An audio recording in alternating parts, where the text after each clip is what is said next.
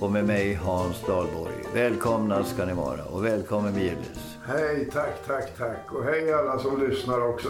Du Hans, innan vi går över på tunga ämnen så är det en fråga som har legat och gnagt i mig. Då är det ett tungt ämne. Då är det ett tungt Ja, ämne. Ja, nu är det svårt.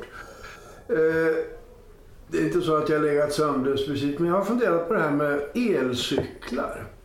Du, det är ett tungt ämne, det hör jag direkt. Alltså, staten bestämmer sig för att subventionera elcyklar. Varför Du vet det? att de har gjort det? Ja, ja, ja det, många kost, det kost, kostar, kostar rätt mycket pengar. Ja, ja, verkligen. Och det är ju dina och mina och andra skattebetalares pengar. Absolut. Det måste ju finnas något tungt klimatpolitiskt eller miljöpolitiskt resonemang bakom det här. Men jag förstår inte hur det resonemanget ser ut riktigt. Ja, de tror, de, de, det måste ju vara så, att, vilket jag inte tror är sant, att de som tidigare har kört bil Ja. ska byta och åka omkring på en elcykel. Ja, så, det, jag, jag misstänkte att det var något sånt. Ja, det är ingenting som jag eh, står bakom. Men, Men alltså, jag måste ju säga att alla jag känner som har elcykel. De det, är ju cyklar- rätt många, det är ju de som bytte cykel mot elcykel. ja, vilket leder till att man inte får mindre träning och kondition Ja, och att man inte får några som helst miljöeffekter av inte detta. några som helst, i alla fall inte några positiva. Elen ska ju komma någonstans ifrån som vi har pratat om. Just det. Om man dessutom får elen från kolkraftverk i Tyskland så är det ett riktigt skott i foten. Ja, verkligen. Det var som någon sa, de har idag fattat ett beslut, men inte dess innebörd. Just det. Det verkar konstigt i alla fall. Det finns säkert någon som kan rätta till oss på den punkten. Och Ja, om- alltså just ni, de som kan förklara det här för Gilles, gör det för att det här eh, förbryllar honom. Ja. Med all rätt. Ja, och mejla till oss då hörni. På vår mejladress vidmogenalder snabela t gmail.com Vidmogenalder snabela gmail.com Vi har just firat midsommar, Gilles, Ja. så det vore väl en underlåtenhetssynd i den här podden att inte släppa fram dig och berätta om varför vi firar midsommar. Ja. Och hur man gör lite grann i andra länder. Ja, ja. Ja, midsommar, det är ju många... Det har alltid funnits en tjusning för människor i att föreställa sig att de fester vi firar har alltid firats, urgammalt. Och det, problemet är att just när det gäller midsommar så vet vi faktiskt inte. Vi anar ju att det fanns... Det är ju i grunden en kristen högtid. Det är Johannes döparens dag. döparens dag, just det. Därför heter den också så i våra nordiska grannländer. Sankt Hansdagen eller Johannes döpares dag. Sankt Hans i Danmark. Ja, Men de gör inget särskilt åt det. Jag satt i många midsommaraftnar i en styrelse i Danmark. eh, De som råkade lägga sig på Sankt Hans afton. Jaha, säger du. Till min stora förtrytelse. Ja, visst. Ingen snaps. Nej, Ingen det var, nej, tvärtom så satt de och rökte cigarr in i s- sammanträdesrummet till min stora förtvivlan. Ja. Men alltså, det var ingen högtid. Nej, men, Men jag här- tror att man på kvällen tände bål. Just precis. Det är, det är det man har gjort. Eh, Det gör man i de nordiska länderna. Man tänder bål. Men det gör man inte i Sverige. Nej, vi har ju flyttat det till Valborg. Just det. Eh, Bål. Eh, är ju symbol för renande. För sådana här tillfällen så antas det röra sig en massa oknytt och magiska krafter i luften. Så egentligen, så Sverige kristnades eh, omkring år 1000 någonting. Och det är väl först efter det som vi med säkerhet vet att man har firat midsommar. Men det här är ju en festlighet som sammanfaller med sommarsolståndet. Och det har ju människor känt till i alla tider, långt före runstavar och almanackor och så. Titta exempelvis på, på eh, de här Ale stenar. De är ju visserligen från strax före årtusenden, före kristnandet i alla fall. De är ju riktade i en riktning, eller Stonehenge.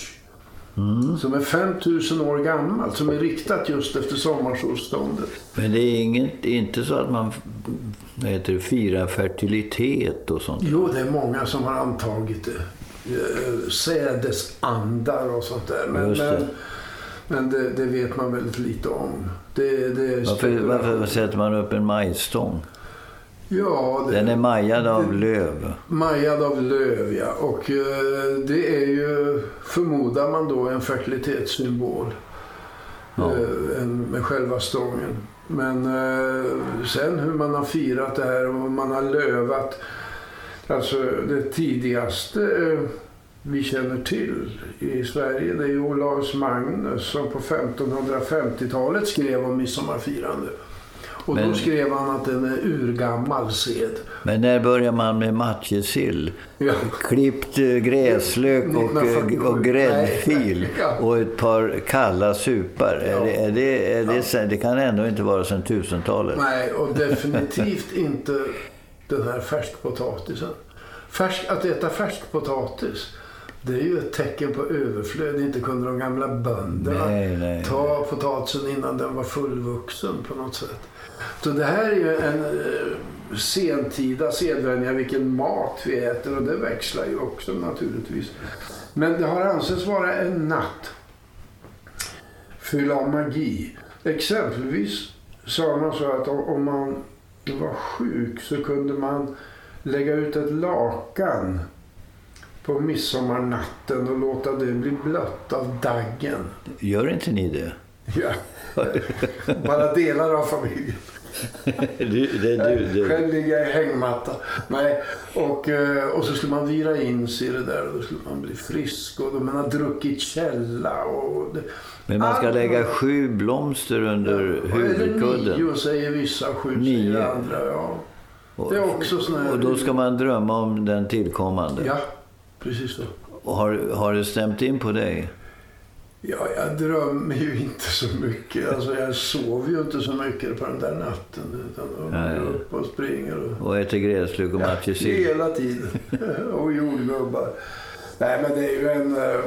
Visade det sig inte att när man diskuterade om det här med eh, svenska flaggans dag och Men nationaldag. du, finns det, fråga, finns det något land som firar midsommar så intensivt som Sverige? Nej, det tror jag faktiskt inte att det är. Alltså landet är ju stängt. Ja. Och engelsmän, fransmän Ja. kommer hit, Ja. amerikanerna säger, vad, vad händer? Jo, vi firar midsommar. Och det är väldigt viktigt. Men det var också viktigt i, eh, i det gamla bondesamhället därför att det var ju en tid efter sådd och före skörd. Så det var en tid av relativ vila i bondesamhället. Mm. Just sommarsolståndet den 21 juni. Det firades ju alltid när jag var barn. Så var ju midsommarafton den 24 Just det. juni. Just det. Men med kalenderreformen eller, ja, 1953, tror jag det var, så flyttades den och blev rörlig som väldigt många andra. Så att den följer sig. Det är alltid, midsommarafton är alltid en fredag. Just precis. Just. Det där retade min pappa upp sig på för han var nämligen född 24 juni. Han sa att en särskild ära i att det var midsommarafton. Ja, och mina föräldrar gifte sig på midsommarafton. Den for ju runt då lite hit och dit. Ja, det där. Och Ja. det visar sig dessutom, åtminstone något år som jag tittade på, så föddes det flest barn under året föddes den 30 mars. Kan man tänka. Räknekunniga kan då gå bakåt i tiden. Men det måste ha med de där sju blomstren Ja, det är klart det har. Ja, visst. Jo, nästa podd tänkte vi tala om, tala om, om eh, vad heter det? blommor och bin. Just det. Men du hade någon annan sån där sak som du ville prata om. Brilliant mind. För ett par veckor sedan ägde ett stor händelserum i Stockholm. Ja, Brilliant Minds. jag har, hört, jag har knappt hört talas om. Men du, Det, och det tycks vara en del av grejen, att det släpps inte ut någon information. Och jag förstår inte vad det här men är. om, var har du läst Brilliant Minds någonstans? Ja, i tidningarna står det ju det. Men Barack Obama kom ju och Jack. Kerry kom ju. Och några svenska skådisar, den här Joel Kinnaman eller Kinnaman eller vad han heter och sådär. Och eh, Greta Thunberg var ju där också inbjuden. Vem, vem, vem, vem arrangerar det hela? Ja, säg det. Och vem finansierar? Barack, han är ju inte billig. Nej, vem finansierar det här och hur finansieras det? Och vad får resten av mänskligheten ut av det här? Alltså för mig låter det som eh, en grupp, klubb för inbördes beundran. De Oj. utser sig själva till brilliant minds. Det är som den... Kreatörer. Ja. Ja. Jag vet inte på vilket sätt, men det, det är höjt i dunkel vad de har åstadkommit och vad det betyder för oss andra. Kanske vill... Eller var du inbjuden? nej, Jo, nej, jag- jag, jag var nej, det, alltså, så- Var du Jag inbjuden? var inbjuden men jag tackade nej för jag hade lovat en kompis att gå på bio. Du sa ja, och du har ju den här podden. Ja, just det. Nej, men en då, undrar, är, de är inte ute efter att försöka skapa något som påminner om Davos. Jo, det är det. det man World, jämförelser. World Economic Forum. Ja, Att man försöker konkurrera, komma upp med någonting som kan hålla samma nivå. ja. Fast eh, skillnaden är att Davos är ju ganska transparent. Det är transparent. Väldigt... Visst är det ja, det? Det lämnas ju rapporter varje... Ja, det, det dräller av journalister som bevakar varenda samtal. Ja, och här släpps det ingenting. Tänk vad de har kommit på då. Ja, var det, det kanske var det som var det kreativa, det innovativa i detta. Ja. Ja, jag förhåller mig skeptisk tills någon... Men jag får gratulera till inbjudan. Ja, tack ska du ha. De måste ändå ha bedömt dig som möjlig att samtala med. Eller åtminstone lyssna på. Ja, ja. Att du lyssnar på dem. Ja, ja, just det. Jag är ju en god lyssnare. Det, det är kanske det de flest vill ha. Nej, nu... För att undanröja varje tvivel. Jag var inte inbjuden. Du var Så, inte inbjuden. Men om, eh, det var ju någon som föreslog, Hans, du vet väl, att om vi skulle byta namn på den här podden, vilket vi har diskuterat, Ja, så borde den heta Brilliant Minds. ja, ja. Fast ja, nu ja. är ju det, den teckningen Men nu, nu är det namnet taget så vi Ja. får vänta. Rish-rash, filibom-bom-bom, filibom-bom-bom, filibom-bom-bom. Rish-rash, filibom-bom-bom, filibom-bom-bom, filibom. Fru Söderström, fru Söderström, fru Söderström, fru Söderström och lilla mamselros, de tvättar sig i sjövatten, sjövatten, vatten. tvättar sig i sjövatten, vatten klart. Den där orkar vi med en gång till va. Glöm inte nu på slutet där att kasta upp händerna i luften och hoppa högt när vi säger sjöavatten, klart. Då försöker vi igen. Oh! Filibom-bom-bom, filibom-bom-bom, filibom-bom-bom. bom, bom, filibom-bom-bom, filibom. Fru Söderström, fru Söderström, fru Söderström, fru Söderström och lilla mamselros, de tvättar sig i sjövatten, sjövatten, sjövatten, tvättar sig i sjövatten, sjövatten klart. Hörru, du får något mejl någon gång? Ja, Eller får vi någon mail? Du och jag har fått mejl. Just det. Och här är det ett mejl från en person. Jag läser gärna upp det i sin helhet. Eh, Jag har försökt få tag på, på den här personen. Hon säger själv att hon är en tjej så att eh, det kan jag väl avslöja. Och frågat om hon vill vara anonym och inte fått något svar så därför tar jag bara förnamnet på henne. Vad heter hon då? Hon heter Lisa. Okej. Hej Lisa. Hej! Jag är en tjej på 22 år som uppskattar er podcast. Kanske har ni en äldre målgrupp än den som jag tillhör egentligen. Men jag har stor glädje av att lyssna till era samtal av flera anledningar. Ni känns vänliga och verkar ha hjärtat på rätta plats. Ni lyfter både allvarsamma, väldigt viktiga ämnen och lättsamma, mer roliga saker. Redan här avslöjar sig Lisa som en oerhört klok och insiktsfull person. Ni påminner mig också om min morfar som stod mig väldigt nära när han levde. Jag har turen att ha bra relationer med mina andra far och morföräldrar vilket jag är tacksam över. Men alla bor långt härifrån och vi träffas därför relativt sällan. Så nu till min fundering.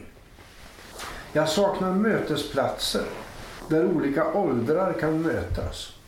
Min upplevelse är att det inte finns ett naturligt sätt för människor i olika åldrar att mötas på i vardagen, såvida man inte är släkt. Håller ni med?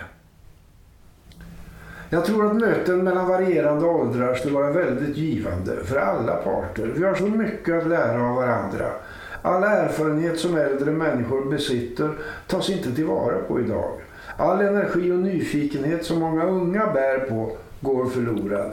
Många äldre sitter också ensamma medan ungdomar känner sig vilsna i livet. Troligtvis skulle, kunna, skulle vi kunna ha väldigt roligt tillsammans dessutom. För även om kroppen åldras bär man ju, med, bär man ju alla åldrar inom sig. Det verkar åtminstone väldigt många påstå. Vi har mer i utbyte än vad många vill erkänna, tror jag. Så vad tror ni behövs för att vi ska få ett samhälle där olika åldrar kan mötas och umgås tillsammans? Det handlar ju både om en kultur och saknaden av naturliga mötesplatser. Avslutningsvis undrar jag om ni har förslag på hur jag själv kan gå tillväga i vardagen. Tack på förhand, Lisa. Ett oerhört eh, fint mejl. Ja, Insiktsfullt, mycket klokt.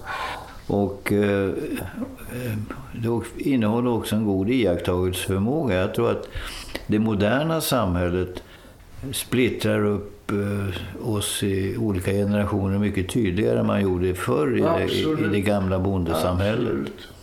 Där, eh, där fanns ju tre generationer nästan alltid i bondhemmanet. Ja. De gamla som satt antingen på ett undantag eller uppe på vinden eller i gungstolen. Och som fick ta hand om småbarnen för att Ja. eh, de vuxna skulle kunna sköta både hemmet inomhus och eh, gården i sin helhet. Ja. Ja, vad gör man åt detta? Eh, Jag, jag tycker att det, det Lisa tar upp är någonting oerhört önskvärt.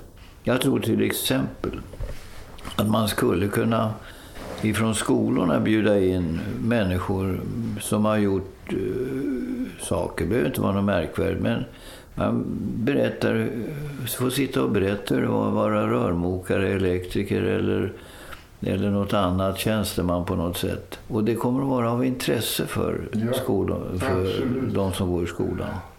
När det gäller vad Lisa själv kan göra, jag kommer inte på mycket, men det finns ju många människor som bor på äldreboende. Och ingenting uppskattar de mer än att få träffa yngre människor och eh, prata med dem. Eh, Som jag har sagt tidigare i vår hemtjänst, de har ju aldrig tid att sitta ner och prata. De, de har så många kunder så de springer från den ena till den andra. Men, men eh, man kan väl säkert som 20-åring adoptera en äldre person som man går och hälsar på och sitter och Mycket bra. pratar med. Mycket bra. Men också på äldreboendet där tror jag att det finns en stor efterfrågan. Ja, vad kan man... där- ge- ja. Man kan också tänka sig att man från låt säga, Konserthuset eller andra, andra institutioner lägger upp konserter som har en lockelse både på unga lyssnare och på äldre lyssnare. Så att det finns inslag av hårdmetallrock och rappare i samma konsertpaket som det kommer en, en Bachfuga eller vad det nu kan vara för någonting. Då tror jag att man skulle kunna blanda generationerna på något sätt. Men det, det är svårt i, det, i, det, i detta segregerade samhälle. Det är just det. Alltså jag tror att eh, Lisa sätter fingret på det här hon säger. Eh, det handlar ju både om en kultur och saknaden av naturliga mötesplatser. Det som är nyckelordet där är kultur. Hade kulturen sett annorlunda ut hade det funnits naturliga Mm. mötesplatser. Eh, jag tror mycket på dina förslag här Hans. Men man ska också komma ihåg att det finns ibland eh, det finns fördomar. Olika grupper har fördomar om varandra. Absolut. Och eh, många unga har nog fördomar gentemot äldre. Som bara gamla stofiler och de kan ingenting. De bara sitter och gaggar och deras liv är förbi och sådär. Vid 40 eller så. Eh, Och många äldre har fördomar mot unga. De tror att alla unga kommer att, eh, kommer att överfalla. Och, Ja, och, visst. Och kan ingenting. Vad de inte förstår det är att unga och på respektive sida, Kan så unga och gamla otroligt. sitter inne med väldigt mycket kunskap men om olika saker. Ja, just det. Och eh, det där är viktigt. Men alltså, det finns en anledning att det saknas naturliga mötesplatser. Och det är, det är, som Hans sa, det är ålderssegregationen generellt i samhället. Eh, Att vi inte träffas. Ja, men jag vet inte. Kan vi inte ändå Man kan, få... man kan, eh, om du är intresserad av... eh, I Sverige har vi då utvecklat under alla år ett rikt föreningsliv. Ja. Och det är ofta i föreningsverksamheter som människor möts. Körsång. Körsång är en sån. Du, om du är intresserad av frimärken eller arkeologi eller schack eller fotboll. Det finns sådana mötesplatser. Ja. Men kan vi inte eh, till vår mail inbjuda eh, våra lyssnare att komma med olika förslag till hur, vi, hur man kan tillfredsställa de här funderingarna som Lisa har framfört? Det tycker jag absolut. Men jag vill bara tillägga att det finns en fantastisk mötesplats. Och det är biblioteken. Mm. Där sitter ofta äldre och läser tidningar. Och eh, där finns det, det finns ingenting hotfullt i den miljön. Man kan sätta sig och prata där. Nej, man får inte prata, man ska vara tyst. Man ska vara I tyst. tidningsrummet får man prata lite försiktigt. Ja. Men alltså, eh, den där tystnadsplikten, Plikten. den, den kan vara hämmande för ett bra samtal. Ja, men det är en enastående mötesplats. Och jag måste säga att den här Sitter tyst- du på biblioteket? Ja, ibland så gör jag det. Inte särskilt för att träffa människor utan därför att jag vill läsa någonting som finns på plats. Eller så. Jag Jag använder bibliotek väldigt mycket. jag kommer ihåg en kille som kom inspringande på Carolina och sa Kan jag få en varm korv med bröd? "Shh, Det här är ett bibliotek. Oj då, kan jag få en varm korv med bröd? Nej, dåligt. Nej, det är bra. Men jag tror att de har lättat mycket på tystnadsplikten. Eh, Det har blivit en mötesplats. eh, Carolina har ett fantastiskt eh, café nu. Ja, Carolina det är alltså universitetsbiblioteket i Uppsala. Just det. Där man kan sitta och vara Ja, lärd ja. och bildad. Men till, till att börja med tror jag det handlar om att väcka en nyfikenhet hos unga för vad de gamla kan bidra med, vad som kan finnas av intresse. Och en nyfikenhet hos äldre att få höra hur ungdomar ser på livet och framtiden. Man Nej. måste ha viljan. Finns viljan så kommer nog mötesplatser att ordna sig. Ja, och den, vad gäller podden så vet jag när vi började den här podden så fick, jag- talade jag med en tekniker som sköter och en producent av podd. Och han sa att ni ska inte vara säkra på att det bara är äldre som lyssnar därför att eh, jag har till exempel ingen morfar, sa han. Men så att jag tycker det är oerhört intressant att lyssna på vad äldre människor har att säga. Så att eh, i den meningen kanske vi skulle ha ett namn som lockar Ja, fler generationer. Kanske det, ja. Kan komma in med förslag på Just det. namn, hörni. Just Till det. vår mail. Liksom det här med mötesplatser. Hur ska man bära sig åt att mötas naturligt över generationsgränser? Till eh, vår mail då, som jag upprepar här nu. Vid mogen alder i ett ord. Vid mogen alder snabela gmail.com. För det är intressant Hans, det vet ju du och jag som har barn.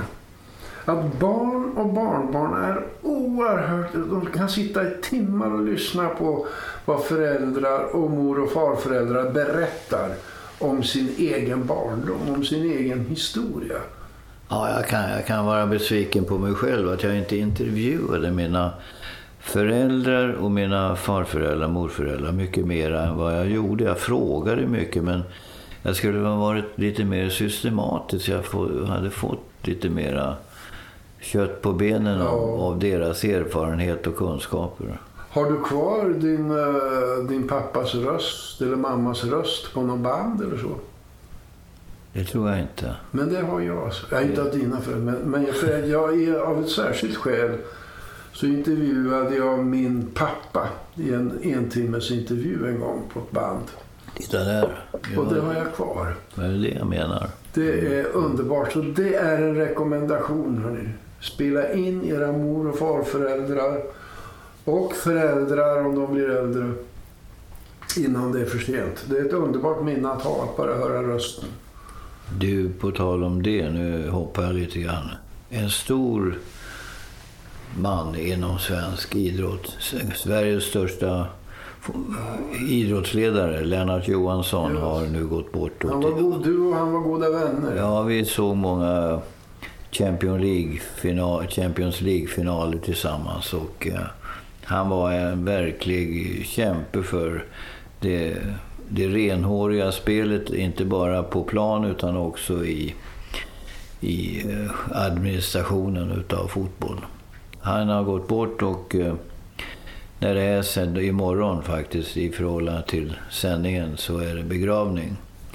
Och när, när du säger att du spelade in din far en gång i tiden så har, har vi här i podden en inspelning med Lennart Johansson där han just har börjat eh, med sin Lennart Johansson Foundation för motarbetande av korruption och eh, olika fiffel inom fotbollen.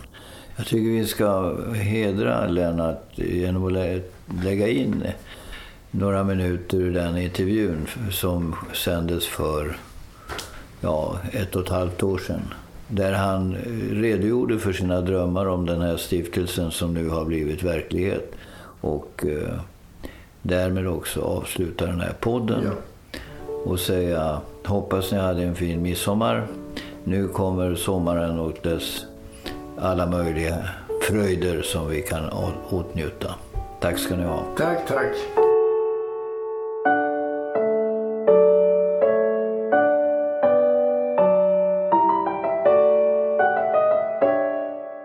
Jag sitter här med eh, fotbollslegenden Lennart Johansson.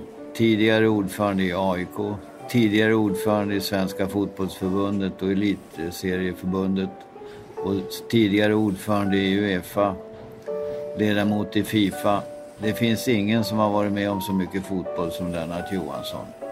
Och min fråga är, är du lika fascinerad av sporten idag som du var för 60 år sedan? Näst, nästan mer. Mer än tidigare. Och det finns skäl för det. det, det del, dels har jag blivit engagerad på grund av en utveckling som jag inte tycker om. Vad är det för någonting?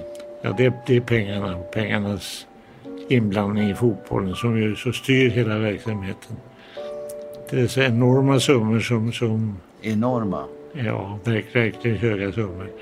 Jag kan inte ge dig några exempel men de är så höga så man tror inte att det är riktigt. Det är inte bara spelarna som tjänar pengarna inte. Utan det är företag som lägger pengarna i fotbollen. I syfte att få någon slags eh, reveny utav detta. Vad kan du göra åt det? Jag har redan vidtagit en åtgärd i det att jag har bildat en stiftelse, Lennart Johansson Foundation, Jaha. som ska vända klockan rätt igen. Vi måste, eftersom allt elände som existerar nu har, har börjat uppifrån så får man nu ta itu med alla problem som vi har och angripa dem på ett professionellt sätt. Och tänker vi göra genom utbildning. Utbildning på alla nivåer. Vi kan inte ha ledare som ska förfoga över mångmiljonbelopp utan att ha- vara skolad och kunna läsa en balansräkning. Utan vi, måste, vi kan inte ha ledare för ungdomen som inte är lämpade för det jobbet. Och vi måste ha en publik som lär sig förstå hur man bör uppträda i fotbollssammanhang. Den här publikutvecklingen, den är ju väldigt trist med eh, huliganer som förstör för familjerna som vill gå och se en eh, riktig match. Ja, nu rör vi en av de delar som vi tycker är väsentligast att åtgärda. Och det ska vi göra genom att vi, har, vi använder professionella institut och universitet för att utbilda lämpliga ledare för framtiden som i sin tur kan påverka ungdomarna och deras insätt och publikens inställning. Man får, man får inte tro att det här är för evigt, att det inte går att förändra. Det fanns en tid på världen om, om ett Stockholmslag mötte Göteborgskamraterna och fick stryk så applåderade publiken. Och, och Gunnar Gren fick komma in och fick ampla. Eh, Det var gentlemannastyrt på den tiden. det var det. Och det är dit vi vill tillbaka. Du, eh, har fotbollen... Alltså, tycker du att det är lika roligt att se en fotbollsmatch idag som för 60 år sedan? Jag hade ju en annan inställning då. Du spelar själv bland annat. Ja. Och, och sen så blev jag ju ledare för ett fotbollslag. Och tyckte att vi skulle hålla en viss stil. Det, det, det, man talade om smokinglirare och AIK-stilen. Just det. Och den, den tilltalades jag av. Det är så jag ville ha det. Ja, men du, när jag spelade fotboll, när du spelade fotboll, då var det fem i kedjan, det var fem i försvaret och så var det en målvakt. Eller rättare så var det en, en trebackslinje och sen var det halvbackarna. Just det. Har, och nu är det två i anfallet och så är det mittfältet fyra stycken, så är det försvaret fyra stycken och en målvakt. Har, har fotbollen mera, blivit mera försvarsorienterad tycker du? Ja, de, de lägger största vikt vid Att det ska, inte ska bli mål? Så är det. Och det är ju också på det viset att eh, de stora talangerna de utvecklas ju bara i anfallspositioner. Medan man samtidigt å andra sidan försöker lägga all vikt vid försvaret. Och det har ju resulterat i den fotboll vi har idag som är på gott och ont. Men det är mycket vackert och fint man får se. Absolut. Det är ju spelare som vi inte såg på den tiden. Jag menar, hur, skulle, hur skulle Gunnar Nordahl och Gunnar Gren slå sig i den här konkurrensen? Ja, De ja jag som- vet inte. Du vet Nej, bättre. de, som var våra verkliga folkidoler. Ja, men Gunnar Gren var ju en väldig... Han hade i alla fall bollkontroll. Ja, han var, han var, han var, han var en lirare. Han var det. Ja, det var han. Och, och det var ju också så, så fort Göteborgskamraterna hade slagit ett Stockholmslag så fick Gunnar Gren applåder efter matchen. Det ser ju inte idag, men man kan ju längta dit igen. Man kan ju längta dit. Ja. Går du och ser allsvensk fotboll fortfarande? Så mycket jag kan. Och då särskilt när AIK spelar antar jag. Allt, alltid AIK, ja.